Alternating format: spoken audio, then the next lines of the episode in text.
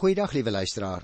Ons is vandag by Job hoofstuk 34 en 35. Ek gaan direk daarmee voort omdat dit nog steeds die jong man met die naam Elihu is wat met Job kom praat het. Jy sal onthou, ek het die vorige program vir jou gesê, heel waarskynlik het hy later tot die gesprek toegetree, maar hy het waarskynlik vir 'n hele ruk toe die ander drie vriende met Job gepraat het en eintlik vir Job beskuldig het, het hierdie jong man gesit en luister. En toe het hy vir homself gesê, maar die gees van die Here het vir my wysheid gegee. En ek gaan 'n wysheid praat aan Job. Jy moet nou 'n bietjie stil bly, ek wil met jou praat. En toe het hy wonderlike dinge vir Job gesê. Ons moet dus oplet dat Eli uh eintlik 'n hele paar hoofstukke aan mekaar praat. Hy by hoofstuk 32 begin praat en hy gaan nog aanhou praat tot aan die einde van hoofstuk 37. En dan gaan die Here op die toneel kom en praat. So liewe luisteraar, ek begin dus dadelik met die 34ste hoofstuk en soos gewoonlik enkele inleidende opmerkings eers. Jy sal sien in hierdie gedeelte wat ek gaan bespreek, Eli sê nou hier dat God geen sonde doen nie en nooit onregverdig is nie. Dis baie belangrik. Die Here is nooit onregverdig nie. Daar's baie elemente van waarheid in die woorde van Elifas en Bildad en Sofar en van Elihu. Maar luisteraar, die waarhede staan ongelukkig tussen baie ander dinge wat op wanopvattinge gegrond is. Met ander woorde, hierdie ouens het waarhede gesê, maar hulle het sekere vertrekpunte gehad Ek het nou al baie keer mee daaroor gepraat, naamlik dat hulle gedink het 'n mens kan 'n direkte lyn trek. As dit met iemand sleg gaan op die oomblik, beteken dit hy het vroeër gesondig. Ons het gesê dit is nie heeltemal wat die skrif sê nie. Dit is natuurlik moontlik luisteraar om uh, om baie kennis van die Bybel en baie lewenservaring te hê. Jy ken dalk iemand wat baie kennis het van die Here se woord. Jy self het dalk baie lewenservaring, maar daarmee saam moet 'n mens sorg dat die gevolgtrekkings waartoe jy kom in ooreenstemming is met God se woord in sy geheel en nie slegs met onderafdelings van die Bybel nie. Met ander woorde, ons kan baie kennis hê van die Bybel, ons kan baie wysheid hê, maar steeds ons eie vertrekpunte het. En dan sê ons nie noodwendig wat die Here vir ons in sy woord sê nie.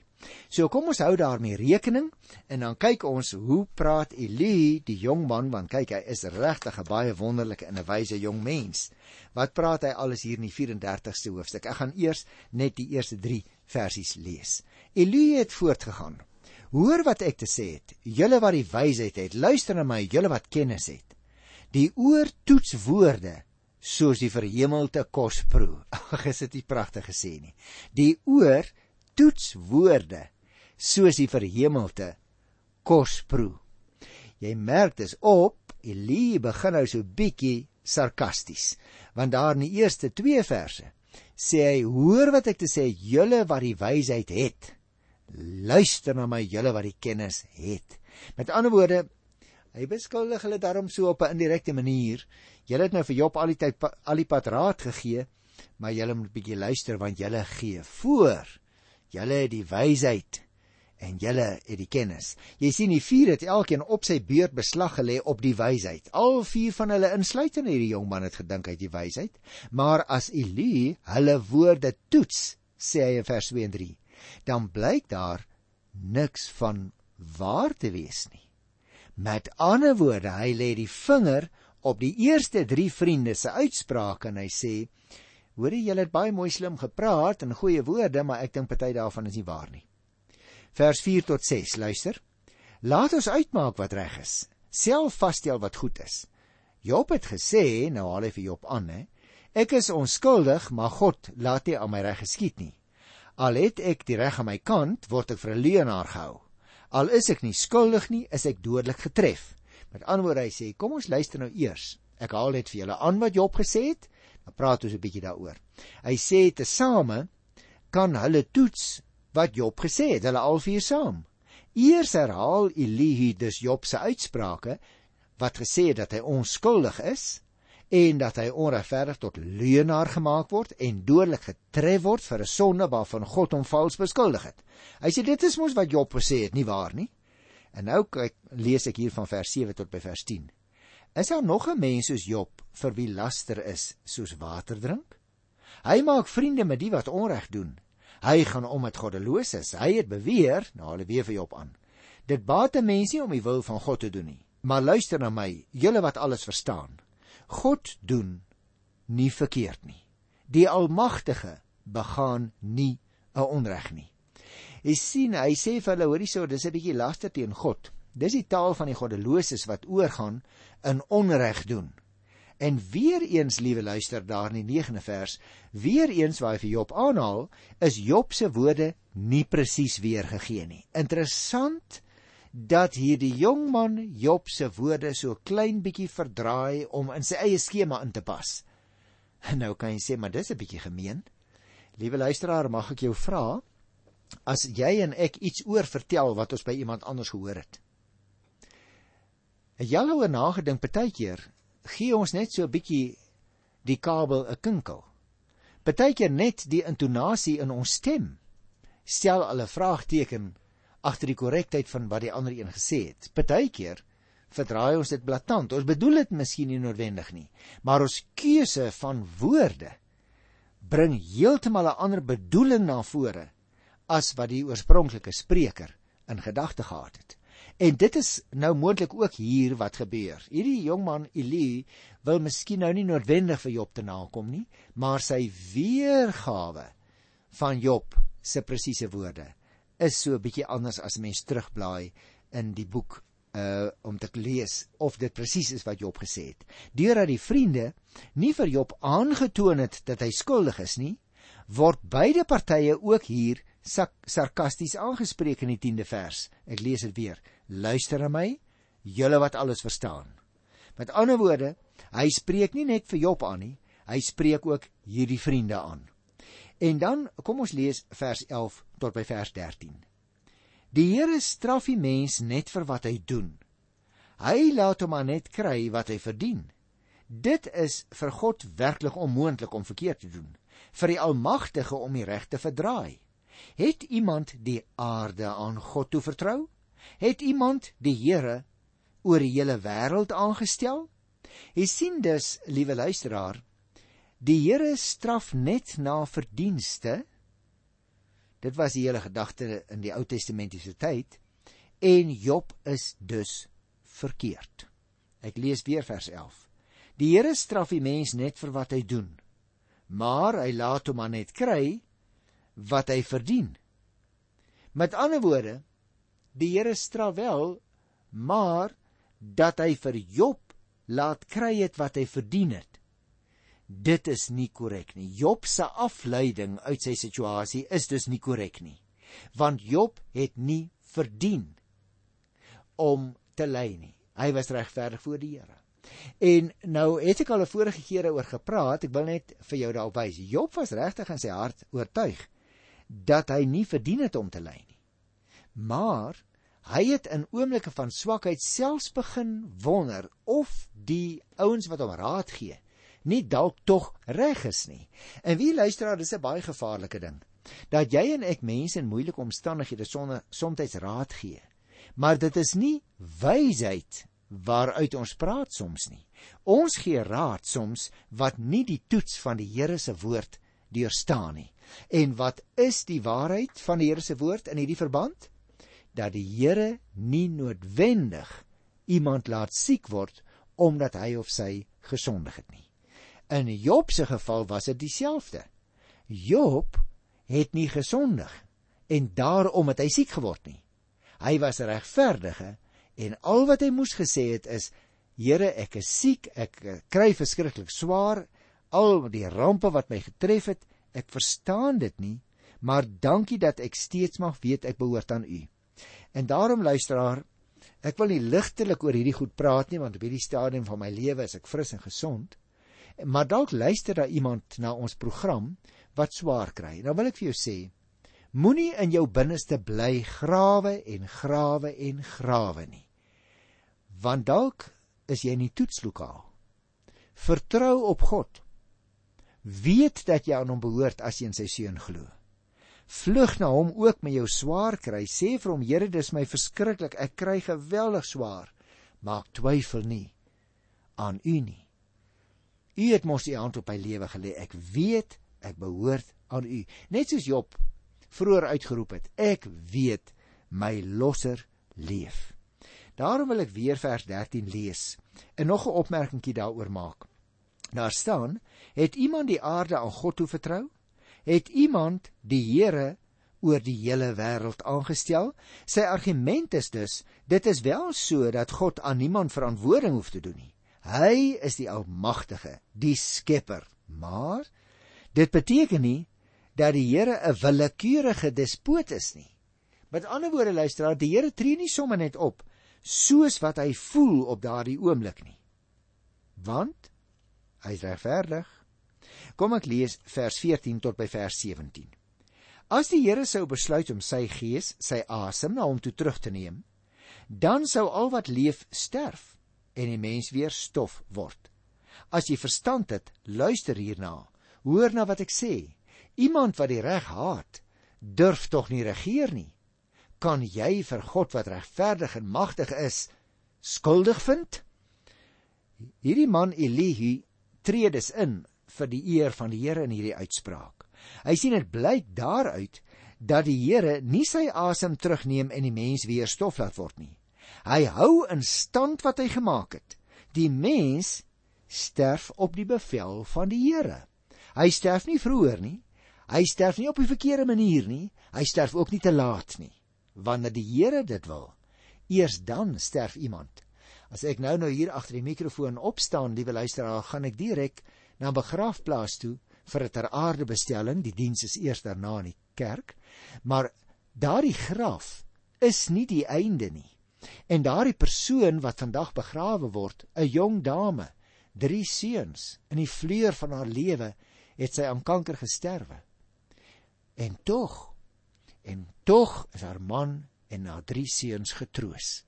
Ons het die pad met mekaar gestap en hulle die woord van die Here verstaan.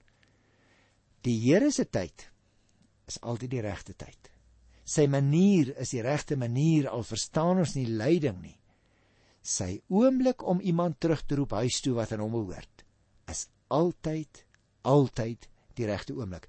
En as jy en ek daardie waarhede in die Here se woord neem en ons bære dit in ons hart dat ons weet ons gaan huis toe aan die einde van die pad. Onthou wat staan in Johannes 14 van die eerste vers af. In die huis van my Vader is daar baie woonplek. Dis 'n beeld om te gebruik wat die Here gebruik om te sê as die kind van die Here sterwe, gaan hy terug na God toe, na die Vader toe. Dit is die Vaderhuis met die baie woonplek. Nou dis beelde wat die Bybel gebruik en dit hoef nie noodwendig alles so letterlik opgeneem te word nie, maar wat vir ons belangrik is. In watter omstandigheid jy en ek ook al is, liewe luisteraar, mag ons weet dit diep in ons hart bære ek behoort aan die Here ten spyte van myself. En daarom in hierdie verse praat Elia eintlik net met Job. As hy verstand gehad het, sê Elihu van Job daar in vers 16 en 17, dan sou hy tog besef het dat God nie die aarde kan regeer as hy die reg verdraai nie. Want iemand wat die reg haat, staan daar, mag nie regeer nie. Job beweeg op gevaarlike terrein. Elihu sê vir hom: "Vriend, vriend Job, jy moet versigtig wees as jy dink jy kan vir God skuldig vind.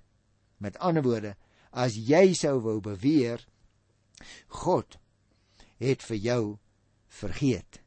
Hy weet dat jy regverdig is en nou onthou hy dit nie. Hy sê Job as jy daai afleiding sou maak, dan wil jy vir God probeer skuldig vind. Jy moet baie baie versigtig wees. God is regverdig sê vers 16 en 17 en hy is magtig. God is dus, liewe luisteraar, in die konteks waar in Elihu praat. Hy as hy besig met sê God is dus onskuldig en hy kan die straf wat hulle met bedrog besig hou. So mense baie versigtig wees as jy iets teen die liewe Here wil inbring. Luister na die 18de versie.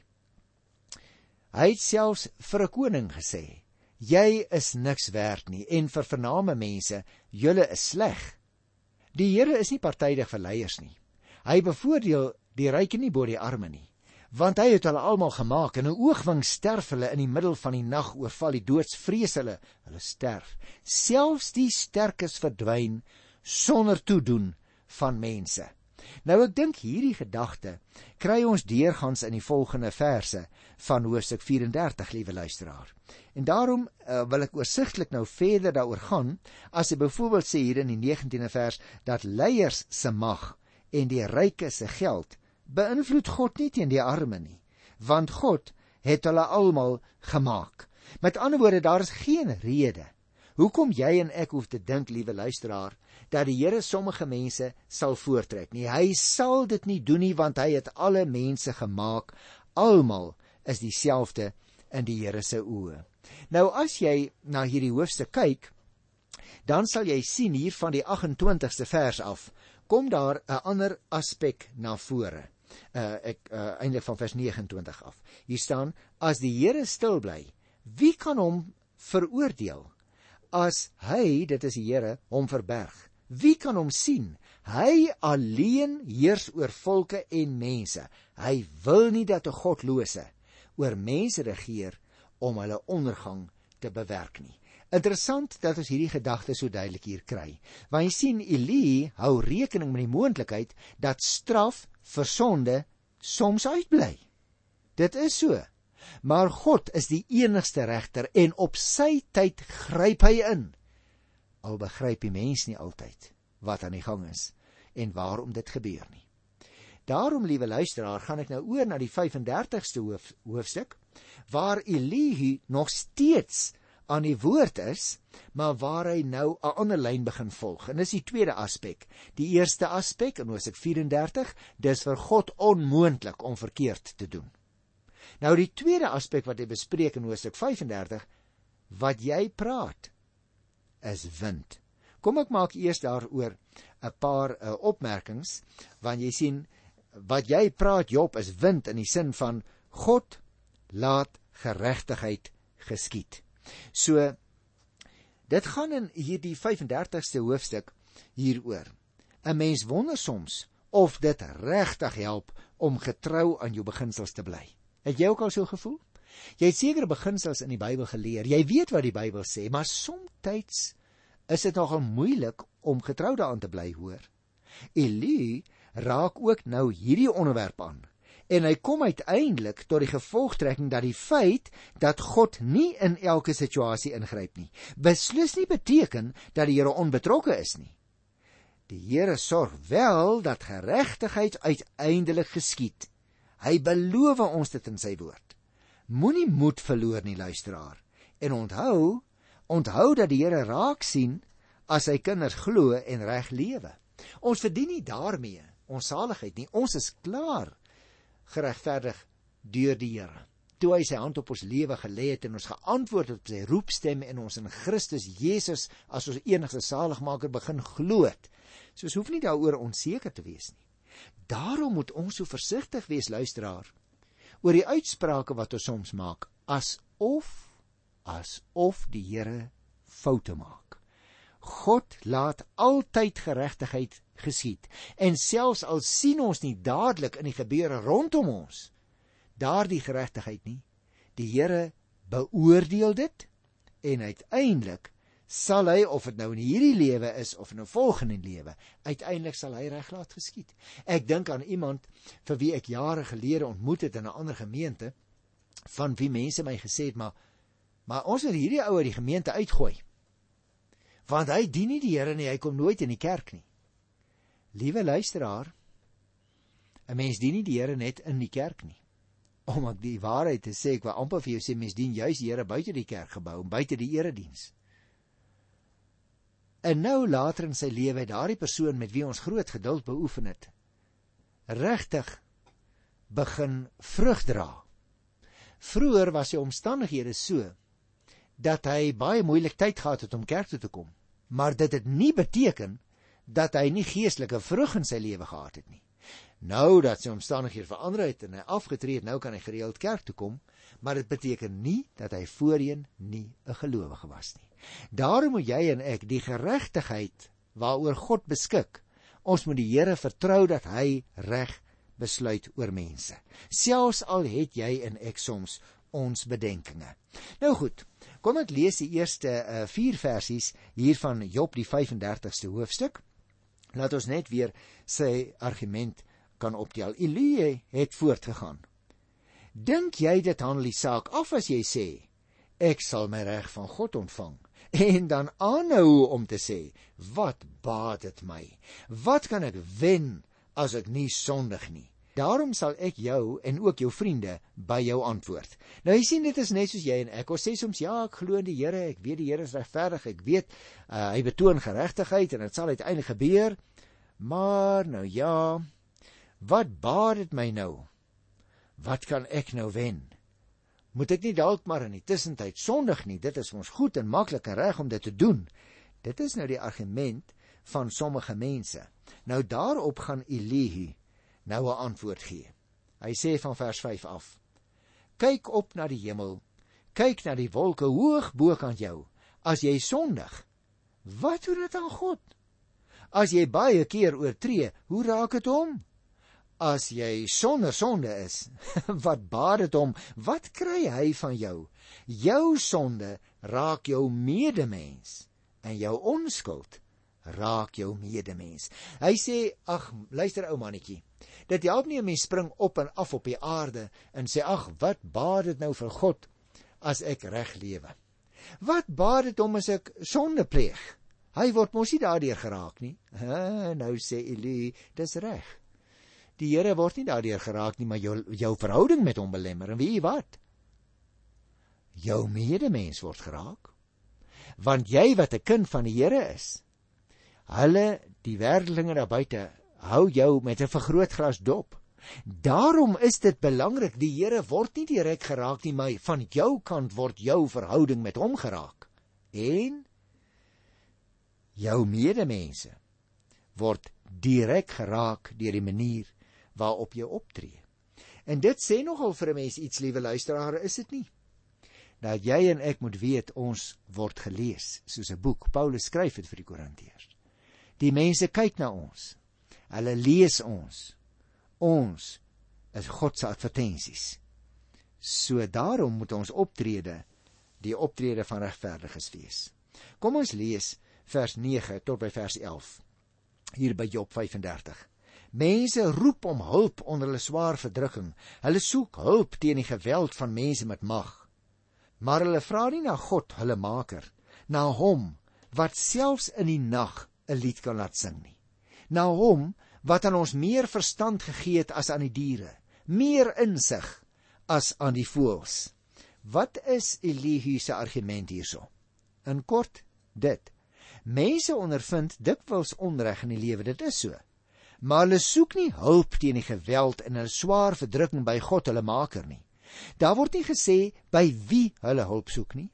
'n Blinde geroep in die lug beteken niks nie, luisteraar die gebed moet geadresseer wees.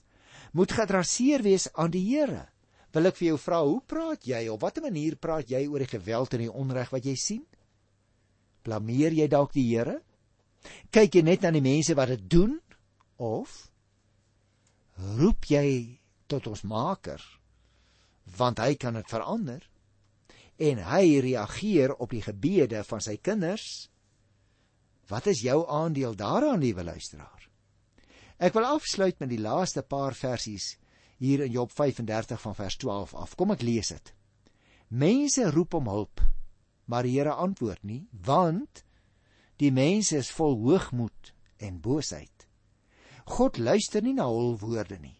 Die Almagtige slaan daar geen ag op nie. Ook nie as jy sien dat jy hom nie sien nie.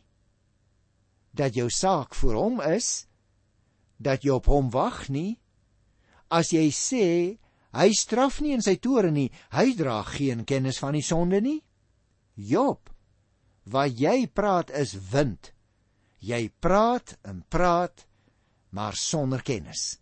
En daarom liewe luisteraar wil ek vir jou sê as jy een van daardie mense is wat rondstap en sê ag wat help dit nou om in die Here te glo? Die Here hoor my nie. Die Here doen nie reg aan my nie. Kyk hoe swaar kry ek. Nou dis presies die woorde wat Job oor en oor gebruik het. Hy het geweet hy's regverdig, hy het geweet hy's 'n kind van die Here. En tog sê hy in sy moeilike lydensomstandighede: "Ag, wat help dit om te bly glo? Die Here sien dan hierdie onreg nie. Kyk hoe swaar kry ek.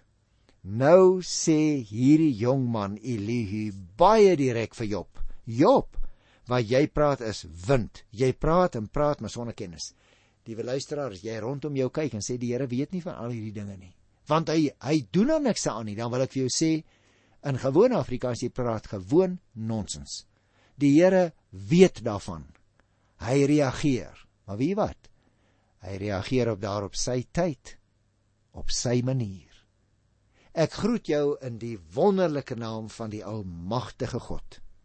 Tot volgende keer. Totsiens.